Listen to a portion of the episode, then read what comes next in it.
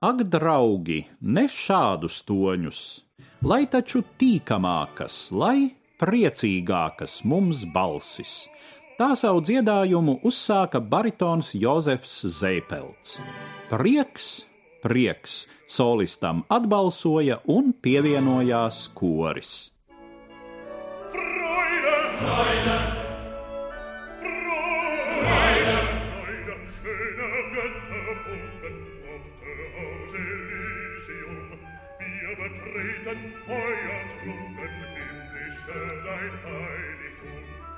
Bija 1824. gada 7.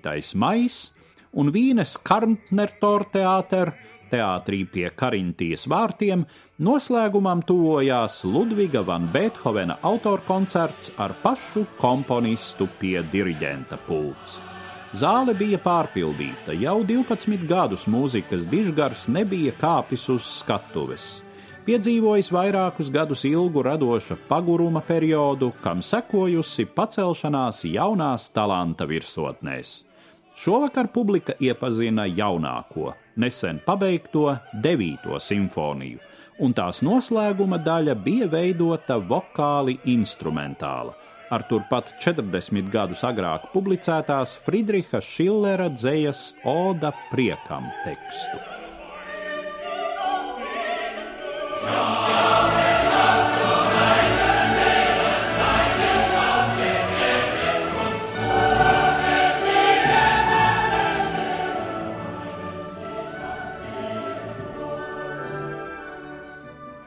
Prieks, dzirksts dievu dāvinātā paradīzes lolojums, ugunīgi reibinātiem tagad templī ienākt mums.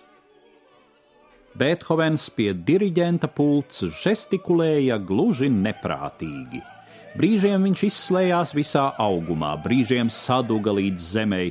Šķita viņš pats vēlētos spēlēt visus orķestra instrumentus un dziedāt visa kora vietā. Tā vēlāk atcerējās violnieks Jozefs Bēms.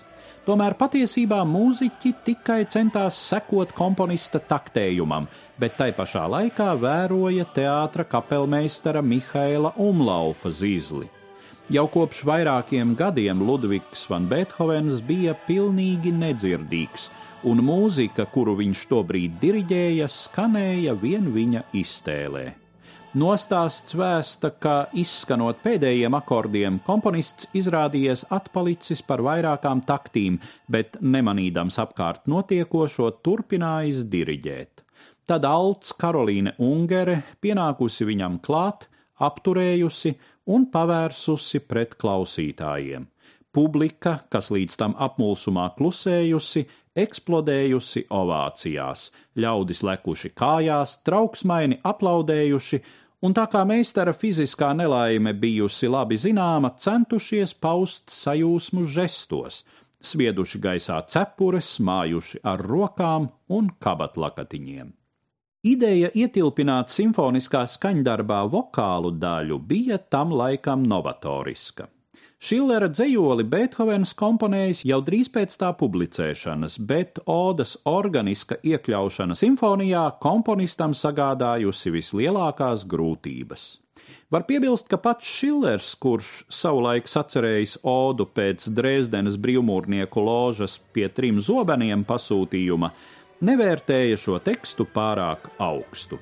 Un ja devītās simfonijas izcilību kopumā šķiet neapšauba neviens, ir bijuši tādi, kas kritizējuši tās vokāli instrumentālo daļu. Starp viņiem zināmākais Giuseppe Verdi kādā vēstulē izteicies: Ja simfonijas pirmās daļas esot brīnišķīgas, tad pēdējās nepavisam. Tāda līmeņa vokālo partiju komponēšana nesot nekāda māksla. Tomēr tieši 9. simfonijas noslēguma daļa mūsdienās kļuvusi par vienu no atpazītākajām tēmām pasaulē. Kopš 1985. gada Oda priekam ir Eiropas Savienības oficiālā himna, un zīmīgi, ka tikai pāris dienas maijā šķir 9. simfonijas pirmatskaņojuma datumu no Eiropas dienas, kad mūsu pasaules daļa atceras Beethovena un Šillera rindas. Tie, ko aizspriedums reiz šķēlis, tagad savienoti būs. Prieks mums pāri spārnu cēlis, visi ļaudis brāļi kļūs.